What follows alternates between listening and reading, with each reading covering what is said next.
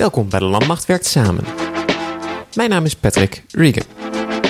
Vandaag verkennen we een nieuwe vorm van samenwerken, een diepere samenwerking en misschien zelfs wel een integratie tussen de krijgsmacht en de maatschappij. Waarbij het uitruilen van materieel, personeel en diensten een hele gewone zaak moet gaan worden. In Nederland noemen we dit de adaptieve krijgsmacht en internationaal staat dit bekend als het Total Force concept. En wat betekent dat eigenlijk? Is dat je uh, uh, als maatschappij verantwoordelijk bent voor de veiligheid van, uh, van je land. Dat is de kolonel Ron Jongejeugd. Ik ben de programmamanager Adaptieve Krijgsmacht. Wat wij doen is heel actief de, de samenwerking zoeken met, met die maatschappij. dus enerzijds met bedrijven, maar bijvoorbeeld ook met instellingen als het Rode Kruis. of kennisinstituten. Dus hogescholen, universiteiten. En want uh, er komt er een heel deel kennis bij kijken, want het is gewoon een, een, een nieuw begrip. En, uh, en de vraag is, hoe ga je dat dan precies invullen? Adaptieve krijgsmacht moet dus flexibele capaciteit voor de landmacht beschikbaar maken. Een schil van mensen en middelen om ons heen, als het ware, die daar waar er behoefte aan is, kunnen komen ondersteunen. In de eerste aflevering van deze serie legde generaal Wijnen, de commandant landstrijdkrachten, dat bijzonder helder uit. Nou, als je het puur zakelijk bekijkt en je denkt in effecten, uh, hoef ik niet zo nodig een capaciteit zelf te hebben. Uh, maar ik wil er wel over kunnen beschikken. Ik hoef helemaal niet zelf te kunnen koken. Uh, ik wil dat er een maaltijd staat. En als er een bedrijf is die mij daarin ontzorgt... en ik, ik heb daar geen omkijken naar... en ik doe dat voor een, een, een redelijke prijs... dan is dat helemaal prima. Dus dan hebben we het over de beschikbaarheid versus het bezit. Transport, geneeskunde, logistiek, IT, eh, allemaal lenen ze zich heel goed voor deze flexibele schil. Eh, denk aan medici, eh, die misschien het merendeel van hun tijd in een ziekenhuis werken en zo nu en dan als reservist opgeroepen worden. Zo houden ze hun skills hoog in de civiele sector en ondersteunen ze de krijgsmacht waar nodig. Of de IT-branche, daar gaan de ontwikkelingen zo snel dat de krijgsmacht zich nooit met hetzelfde tempo als de private sector kan vernieuwen. En voor de transportsector, daarvoor gaan we naar Ron Jongejeugd. Hij vertelt over een pilot die het afgelopen jaar speelde tussen de landmacht en het transportbedrijf DSV. En wat we toen gedaan hebben is uh, gekeken uh, nou, wanneer zijn onze piekmomenten. Hè, dus wanneer hebben wij het heel erg druk. Uh, wanneer heeft uh, het bedrijf DSV het heel erg druk? Nou, als dat uh, toevallig op verschillende momenten is, dan zou je dus ehm, met je, de workforce van DSV en onze eigen workforce, die kun je dan keurig met elkaar verdelen. dat betekent, wij hebben een piekmoment, DSV komt ons helpen, DSV heeft een piekmoment, wij gaan DSV helpen. En dat, die pilot is, is uitgemond in de verkenning naar de bouw van een logistiek ecosysteem. Hè, waarmee we dus niet met één bedrijf, maar met meerdere bedrijven gaan, hebben onderzocht. Hè, dat onderzoek dat loopt nu. Hoe kun je daar nu invulling aan geven? Dus het bedrijfsleven heeft een vraag, heeft een behoefte. Wij hebben een behoefte. En hoe stem je dat dan op elkaar af? Dus je bent aan het onderzoeken van hoe is dat dan mogelijk te maken. Hè? Want als je naar onze klassieke aanbesteding kijkt, doen wij natuurlijk altijd maar zaken met één partij. Maar nu wil je zaken doen met misschien wel 10, 15, misschien wel 20 bedrijven. Hè, die allemaal hun unieke capaciteiten hebben, die wij natuurlijk prima kunnen gebruiken. En andersom geldt dat ook. Ook Defensie is natuurlijk in de basis wij natuurlijk, zijn wij een ijzersterk merk. Dat, dat vergeten we vaak, maar dat is natuurlijk wel zo. Nou, daar hebben we zowel wij voordeel van als het bedrijfsleven heeft daar voordeel van. want wij kunnen heel veel leren van het bedrijfsleven, maar het bedrijfsleven kan ook heel veel leren van ons. Pakken we even weer de DSV-pilot, daar is concreet ook gebeurd. Dat er uh, mensen van ons uh, zaten in het warehouse van, van DSV, hebben daar warehouse-activiteiten gedaan. Um, en dat een van onze soldaten aan de manager van DSV vroeg van... Um, jullie hebben hier vaste krachten, inhuurkrachten en uitzendkrachten. Maar alleen de vaste krachten hebben een jasje van DSV. Hoort de rest er dan niet bij? Dus de teamvorming die wij kennen binnen Defensie, dat is in het burgerleven helemaal niet. En die manager die heeft daar ook echt over na zitten denken van ja, ja waarom doen we dat eigenlijk niet? Heel plat gezegd, het is een jasje van 15 euro, maar die vent gaat er gewoon twee keer zo hard door werken. Want die hoort er, hij hoort er in één keer wel bij. Dat die samenwerking met het bedrijfsleven voor alle partijen voordelig is, dat mogen inmiddels duidelijk zijn. En daar komen in deze serie nog heel veel voorbeelden van, dat beloof ik. Waarom is dat juist nu, in deze tijd, zo ontzettend belangrijk? Nou, dat is belangrijk omdat uh, nou, de, de wereld om ons heen die verandert gewoon heel erg. er komen uh, steeds nieuwe dreigingen bij. Als je uh, zeg maar 20, 30, 40 jaar geleden terugkijkt, was oorlogvoering was eigenlijk relatief klassiek. Was gewoon staal op staal. Dus plat gezegd, als de eerste gevechtslaars de grens overging, dan was je in oorlog met een land. tegenwoordig kun je je voorstellen, je hebt dreigingen als cyber. en allerlei andere ontwrichtende activiteiten. En de vraag is, hoe ga je daar dan een antwoord op geven? En kun je dat alleen als krijgsmacht? En ik denk dat het antwoord daarop nee is. Dat je dat niet meer alleen kunt. En want, uh, nou ja, kijk bijvoorbeeld naar de bevolkingssamenstelling in Nederland. Hè. Als we onze krijgsmacht vullen zoals we dat uh, altijd gedaan hebben... dan heb je simpelweg gewoon te weinig mensen om, om je krijgsmacht te vullen. Hè, de, de, maatschappij heeft uh, 400.000 vacatures op de arbeidsmarkt. Ja, hoe ga je daar als krijgsmacht, hoe ga je daar dan in bewegen... om je eigen organisatie gevuld te krijgen? De wereld wordt instabieler en de dreiging van conflicten neemt toe. Of we nu naar het oosten of naar het zuiden van Europa kijken, we worden omringd door instabiliteit. Maar dat roept wel een belangrijke vraag op. Als we mensen en materieel vanuit de burgermaatschappij en vanuit de civiele sector gaan opnemen in onze krijgsmacht, kunnen ze dus in een conflict verzeild raken. En uh, waar trek je die grens? Kijk, Militaire voertuigen zijn niet voor niets groen gevlekt en bepanzerd. Onze militairen worden goed opgeleid. Zelfverdediging, eerste hulp. Hoe om te gaan met chemische, biologische, radiologische, nucleaire dreigingen. De ouderwetse skills en drills in het gevecht. Uh, militair zijn is uh, moeilijk en is vakmanschap. Volgens mij is het niet handig om dan een burgerchauffeur met zijn normale vrachtwagen, uh, sowieso een normale vrachtwagen door het bos uh, te laten rijden, lijkt me al lastig. Uh, maar om dan die chauffeur in zijn normale vrachtwagen en zijn bedrijfspolootje naar de frontlinie te sturen, waar bij wijze van spreken de kogels om zijn oren vliegen. Als je het, klassieke gevechtsveld bekijkt, helemaal voorin, zeg maar daar waar de vijand zit of daar waar het loodgehalte heel hoog is, ja, dat, daar ga je waarschijnlijk geen burgers in zetten maar als je, uh, nou, pak een, een, scenario in Litouwen. Ik kan me voorstellen dat uh, de opvoer van logistieke goederen van Nederland naar Midden-Polen. Moet dat per se een groene vrachtauto zijn? Of mag dat ook een, een civiele vrachtauto zijn die onze spullen daar naartoe brengt? Zodat ik mijn groene capaciteit helemaal voorin kan gebruiken, daar waar ze goed in zijn. Duidelijk. Grens trekken en waar mogelijk civiele capaciteiten gebruiken. Maar adaptiviteit is meer dan uh, we roepen extra mensen op als we ze nodig hebben.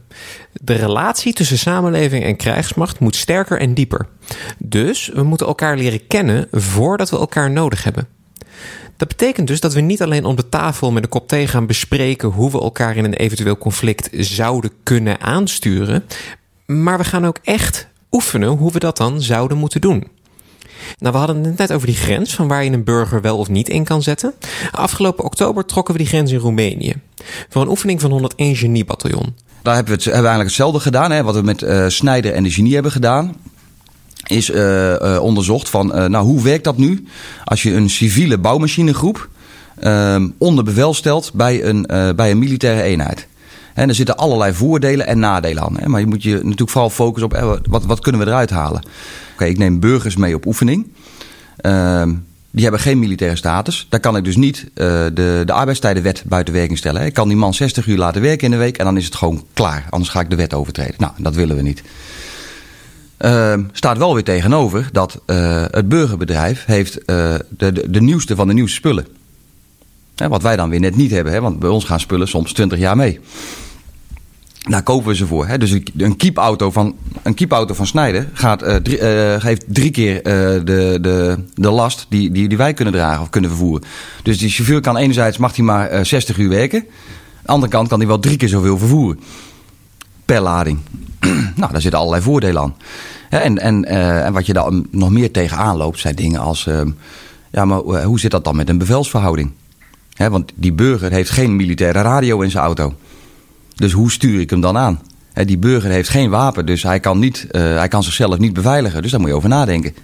Genoeg nagedacht en genoeg randvoorwaarden geschetst. Eh, we gaan nu naar de praktijk. Eh, als hoofd G3 van 101 Geniebataljon was major Marcel Rot verantwoordelijk voor de oefening in Roemenië.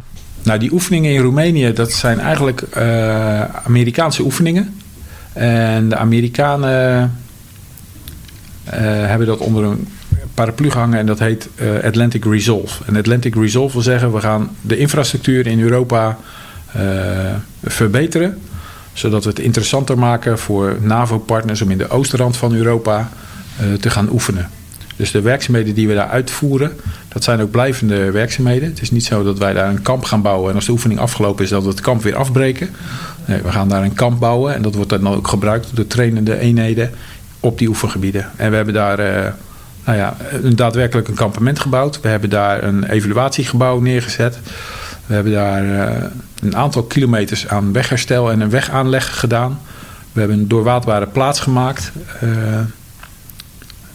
en we hebben daar, maar dat was in de vorige oefening in Roemenië, een uh, heli landing site gemaakt. Zodat daar helikopters van munitie kunnen worden voorzien. Zodat die helikopters ook weer een schietoefeningen kunnen doen daar op dat oefenterrein. Even terug naar het begin. De genie, de bouwvakkers van de krijgsmacht. Wat doen die eigenlijk? En je kan ze onderverdelen in, uh, in twee vakgebieden. Je hebt de combat support engineers. Dat zijn zeg maar de panzergenisten die met de gevechtsbrigades het gevecht uh, voeren. En je hebt force support engineers. En uh, daar valt 101 bataljon onder. En dat zijn eenheden die randvoorwaarden scheppen om andere eenheden het gevecht te kunnen laten voeren.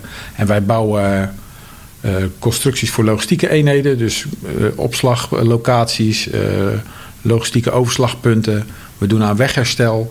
En we zijn denk ik wel het meest bekend van de, van de kampementen die we gebouwd hebben in Afghanistan, in Mali en in Irak. Voor oefening Atlantic Resolve is die geniecapaciteit dus uitgebreid met een aantal voertuigen en personeel van de firma Snijder. En daarbij waren twee machinisten en een onderhoudsmonteur. En we hadden een twee of drietal reservisten die ook op de machines van Snijder uh, draaiden. Dus die waren geen werknemer van Snijder, maar gewoon reservisten met een achtergrond in uh, het bedienen van landbouwmachines en, en grondverzetmachines. Ja, dat bevalt eigenlijk heel goed. Uh, de afgelopen oefening in uh, Roemenië was niet de eerste keer dat we met Snijder hebben samengewerkt. Dus uh, we hadden al eerder aan elkaar gesnuffeld. En ja, tot nu toe is dat elke keer heel positief. Die mensen van Snijder die brengen toch een hoeveelheid kennis en ervaring mee... waar onze mensen alleen maar beter van worden. Klein beetje achtergrond over mijzelf. Mijn loopbaan als militair was weliswaar kort, maar ik ben regelmatig op oefening geweest en heb dat altijd een beetje bijzonder gevonden. Met z'n allen stap je in een bus, in het vliegtuig, soms op een schip en ga je richting een gebied waar in de meeste gevallen geen burger te vinden is. Iedereen loopt in het groen en loopt er met dezelfde mindset, dezelfde houding rond. Maakt alles wel lekker duidelijk. Je voornaam staat op je schouder, corporaal, luitenant, generaal. En je achternaam staat op je borst. Burgers die dan in die oefening zaten, vaak was dat een adviseur van het ministerie van Buitenlandse Zaken of iemand van een hulporganisatie, die werden niet per se raar aangekeken. Het is niet alsof ze buitengesloten werden en tijdens de lunch alleen zaten. Ze maakten gewoon onderdeel uit van de groep. Maar toch vielen ze op. Overigens lijkt het me voor hen ook wel een vreemde gewaarwording dat je opeens in een omgeving terechtkomt waar, waar iedereen in het groen rondloopt.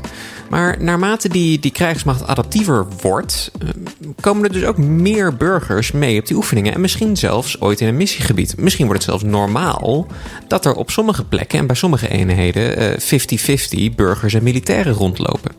Maar hoe gaat dat nu dan? Bijvoorbeeld in de meest basale levensbehoeften. Die burgers die sliepen gewoon bij de eenheden. En of de eenheden in het veld blijven slapen, dan sliepen de burgers daar ook. Uh, maar als de, de, de, werkzaamheden wat dichter bij de kazerne waren, dan uh, sliepen ze gewoon op de kazerne. Maar wel helemaal geïntegreerd bij de eenheid. Zeker die mensen van Snijden, die zijn ook wel wat gewend. Uh, die zijn veel in het buitenland en ook niet altijd onder de beste omstandigheden. Dus die zijn wel het een en ander gewend. En een hoop van die mensen hadden al een verleden bij Defensie. Dus die vonden het vooral weer prettig om eens een keertje in de keuken van Defensie te kijken en mee te maken met de mannen in het veld te liggen. Lekker. Ga je met Defensie mee op oefening, mag je in het veld slapen. Eh, eh, maar wat vinden ze er zelf van? Eh, voelen ze zich welkom? Matthijs Blanke is kraammachinist bij de firma Snijder en was erbij in Roemenië. Als een warme deken, ja. Kort maar krachtig, zou ik zeggen. Nou, die, die, die, cultuurverschillen waar je van tevoren over nadenkt... en dat je denkt van dat gaat een probleem zijn... die zijn eigenlijk helemaal niet aan de orde geweest. We zijn altijd wel enthousiast en willen van elkaar leren... en Zeker die mensen met praktijkervaring uit het, uit het bedrijfsleven, die brengen heel veel kennis en ervaring mee, waar onze mensen weer uh, enthousiast van worden. Uh, daar worden onze machinisten alleen maar beter van. Uh, want ze kunnen natuurlijk bij ons uh, de machine onderhouden en, en, en, sportlesjes doen. En, maar je wordt pas echt een goede machinist als je 12 uur per dag op die machine zit en van een ervaren machinist leert de kneepjes van het vak. Matthijs, die van het warme deken, is zo'n ervaren machinist. Die dus de kneepjes van het vak ook doorgeeft. In Roemenië, met Defensie samenwerkend, komt hij genoeg zaken tegen die zelfs voor hem en zijn ervaring uitdagend zijn. Maar vooral hier in Roemenië is het eigenlijk een beetje oldschool. Uh, alles met piketten, geen GPS, geen bijzonderheden op de machine. Dus gewoon kaal werken. En daarmee kun je je fantasie rijkelijk de, de kost geven. En dat is voor veel mensen best wel moeilijk, omdat ze vaak aan laser of aan GPS gewend zijn. Zeker tegenwoordig op school krijgen ze dat er al bij in. Maar leer het nou eerst eens via een lijntje, via stokjes. Want het terrein hier dicteert. Kun je de jongens echt iets leren? Ja, het zijn eigenlijk tips en tricks die je ze toereikt. Ja, gewoon de, de vaardigheden die je zelf in je hebt. En dat je daar ja, gewoon je, je, je kennis en vaardigheden kunt delen. Je, hoe je tegen het werk aankijkt, hoe je je opstelt, uh, een slootje graven. Maar ja, zoals we net al zeiden, het terrein loopt hier op. En als je dan een sloot gaat graven zonder een kantelstuk aan een graafmachine, ja, dan zul je jezelf goed in de positie neer moeten zetten, zodat je een rechte luut graaft. Dat is een handigheidje en dat zijn, kun je de jongens echt iets leren? Ja, het zijn eigenlijk tips en tricks die je ze toereikt. We gaan in juni, juli van 2020 gaan we weer op oefening. Ook weer onder dezelfde Amerikaanse paraplu, maar dan naar Polen dit jaar. Uh, en dan hopen we ook weer met Snijder in zee te gaan. Uh, maar dan hopen we een stapje verder te zijn in uh, uh, de status van het personeel wat we meenemen van Snijder. Nu hebben we het puur ingehuurd. En is het een burger die gewoon een bedrag krijgt, waar Snijder een bedrag voor krijgt. En we hopen eigenlijk de doorstap te maken dat we die mensen kunnen militariseren. Of dat we ze een soort van reservistenstatus kunnen geven. En dat we voordat we met hun op oefening naar Polen gaan, ze eerst een week bij ons zijn en ze een aantal militaire lessen krijgen. Dat we ze met een wapen om leren gaan, dat ze ZKH krijgen. Um, ja, en zo zijn er nog een aantal skills die je kan bedenken om te kunnen overleven op het, op het gevechtsveld. Die hopen we ze in die week voorafgaand aan de oefening bij te kunnen brengen. Uh, mogelijk ook kleden, dat ze in dezelfde groene pak rondlopen als dat wij uh, rondlopen in plaats van in overal. Um, en dat ze zich echt onderdeel gaan voelen van onze eenheid. En dat dat ook een groepje mensen is waar we in de toekomst, als het echt spannend wordt en we hebben op korte termijn mensen nodig, dat dat de pool mensen is waar we uit gaan vissen. Uh, dat is eigenlijk wat er voor volgend jaar op de rol staat. Ik heb wel eens een praatje gemaakt met, uh, met uh, onze contactpersoon die, die we altijd benaderen als we met Snijder in zee willen gaan. en die hebben toch hun, hun blik wat verder vooruit liggen. En die zien vooral in, in de machinisten, in de bouwmachinemachinisten van onze bataljon uh, potentiële nieuwe werknemers voor Snijder. Want ze zijn uh, echt wel gecharmeerd van uh, de manier waarop wij onze machinisten opleiden. het zijn machinisten die zelfstandig kunnen werken, die onder lastige omstandigheden hebben gefunctioneerd, die leiding kunnen ontvangen en ook op beperkte modus zelf leiding kunnen geven. ja, en dat zijn machinisten die graag gezien zijn bij Snijder. Dus ja, ze hopen daar eigenlijk ook in de toekomst wel de vruchten van te plukken. Dat als mensen bij ons klaar zijn en geen aspiratie hebben om naar de KMS te gaan, dat die bij Snijder uitkomen. Oh, maar dat klinkt wel eng. De krijgsmacht komt al personeel tekort en stroomt, eh, zeker bij eenheden als de genie, stroomt gewoon leeg. Er zijn vacatures genoeg. Het zou dus redelijk contraproductief zijn als door dit soort samenwerkingen met het bedrijfsleven de krijgsmacht nog sneller leegstroomt en dat militairen opeens een goede kans zien in de burgermaatschappij. Nog niet zo lang geleden is een machinist van ons uh, op een klus geweest bij Snijder zelf. Dus er was een klus, een, civiele klus die aangenomen was door Snijder. Daar mocht de machinist van ons meedraaien. Ehm, ja, die mannen die draaien daar uh, twee weken lang 12 uur op, 12 uur af. En dan zijn ze een weekje vrij en dan gaan ze weer twee weken 12 uur op, 12 uur af. Nou, daar is toch ook niet iedereen voor in de wieg gelegd. Dus uh, er zullen ongetwijfeld mensen zijn die het mega interessant vinden. En het zal ook best wel iets beter verdienen als de corporaals bij ons. Uh, maar er wordt dan ook wel meer van ze gevraagd. Het gras is dus nog niet altijd groener aan de andere kant. en Al is iedereen die ik over dit onderwerp spreek laaiend enthousiast, elk nieuwe initiatief kent obstakels. Om in de metafoor van de commandant landstrijdkrachten te spreken, we zitten nu in de tweede 100 meter van die trekkertrek, uh, waar het initiële enthousiasme nog net zo sterk aanwezig is, maar waar we ook een flinke reality check hebben gehad, om het zo maar te zeggen. De nieuwe wegen zijn namelijk absoluut niet vrij van obstakels. Rondom het logistiek ecosysteem van Ron Jongjeugd bijvoorbeeld, waarbij Defensie samen met een aantal transportbedrijven transportcapaciteit wil bundelen, daar zijn gewoon gesprekken bezig met de landsadvocaat. Het idee achter het logistiek ecosysteem is dat de chauffeurs en vrachtwagens van private bedrijven en Defensie samen elkaars vracht vervoeren en dus piekmomenten afvangen. Heeft de ene druk, helpt de ander, heeft de andere druk, helpt de een. Maar mag een chauffeur van Defensie, een militair, überhaupt wel werk doen voor een commerciële organisatie? Dat soort vragen moeten in de komende periode beantwoord worden. En ook voor de genisten, met aan de leiding dan Marcel Rot, ook zij lopen tegen dit soort vraagstukken aan. De samenwerking tot nu is eigenlijk alleen nog maar gebaseerd geweest op inhuur. Uh, wij gaan op oefening en we hebben een hoeveelheid capaciteit nodig en die huren we gewoon in van de firma Snijder in deze. Um, maar eigenlijk willen we met adaptieve krijgsmacht een stapje verder. Dat we echt uh, geïntegreerd optreden met een aantal bedrijven. En als wij op de knop drukken, dat die hoeveelheid bedrijven capaciteit ophoesten. Um, ja, daar moet nog wel wat water voor door de Rijn. Want dat betekent dat je mensen misschien ook wel beperkt op moet leiden. En dat je ze misschien wel een schietopleiding moet geven. Of uh, hoe zit het juridisch? Dat als die mensen met ons op oefening gaan of op missie en ze worden daar arbeidsongeschikt. Uh, wat gaat het dan betekenen voor die werknemer of voor, de, of voor Defensie? Uh, ja, dat zijn allemaal vragen die nog, uh, waar we nog geen antwoord op hebben. Dus om echt adaptief te zijn, om samen met civiele partners uh, het hoofd te bieden aan de dreiging waar we nu voor staan. Ja, er zijn er nog wel een aantal vraagstukken die beantwoord moeten worden. We zijn nu bezig om te kijken of we bij Snijder een aantal mensen reservist kunnen laten worden. maar als je de huidige manier van reservist zijn betekent dat mensen gekeurd moeten worden en dat ze een stuk opleiding moeten krijgen. En uh, ja, de vraag is of dat hele traject nodig is voor, uh, voor de mensen die wij nodig hebben. Uh, misschien valt er wel iets te bedenken aan een verkorte opleiding en echt maar stukjes uit het hele palet van wat je als militair moet kennen.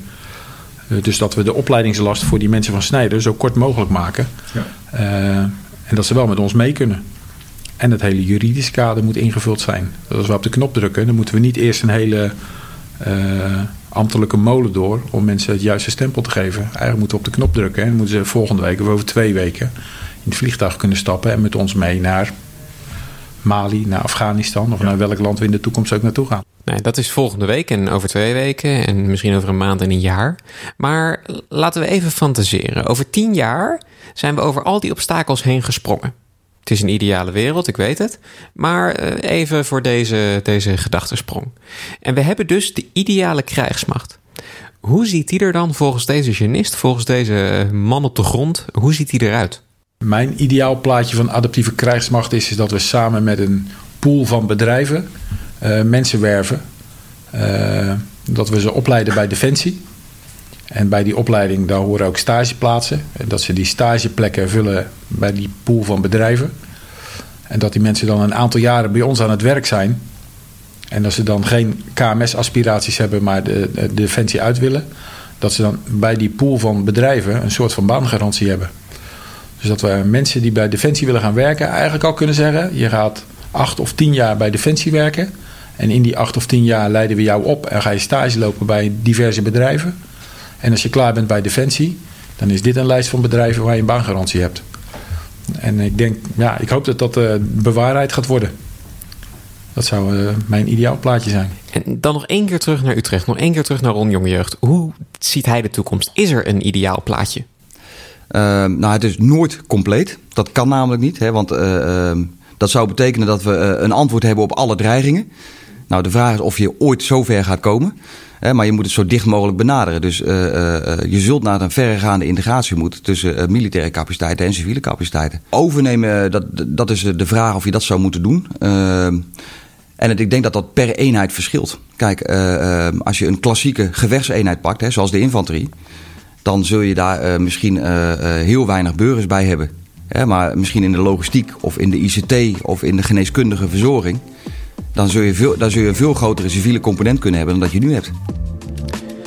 Onwijs bedankt voor het luisteren naar aflevering 2 van De Landmacht werkt samen. Deze keer over adaptiviteit en eigenlijk de basis en de ondertoon voor alle gesprekken en alle afleveringen die gaan volgen. Hierna duiken we in het onderhoud. Met één been blijven we in de adaptiviteit en bezoeken we Rijnmetaal, dat voor Defensie het onderhoud van de bokser verzorgt. En hun monteurs zijn een graag geziene gast op onze kazernes en in onze oefening, terwijl hun fabrieksvloer meerdere militairen en reservisten rondlopen. Ook onderzoeken we de toekomst van het onderhoud en de rol die 3D-printen daarin gaat spelen. Ben je fan van de show? Eh, abonneer je in jouw podcastspeler. En gedurende januari verschijnt er iedere dinsdag en donderdag een nieuwe aflevering in je feed. En je helpt mij gigantisch door een review achter te laten op Apple Podcasts of Stitcher. De Landmacht is een productie van de Koninklijke Landmacht. Productie is door Jean-Major Remco Poelman. De muziek komt van One en mijn naam is Patrick Regan. Speciaal bedankje aan kapitein Maarten Grendel en een sergeant-major Eva Klein... die voor deze aflevering een aantal voor de interviews op zich hebben genomen. De Koninklijke Landmacht volg je via Instagram, Twitter, Facebook en YouTube... en je checkt defensie.nl voor het laatste nieuws rondom de krijgsmacht. Nogmaals, onwijs bedankt voor het luisteren en tot de volgende aflevering.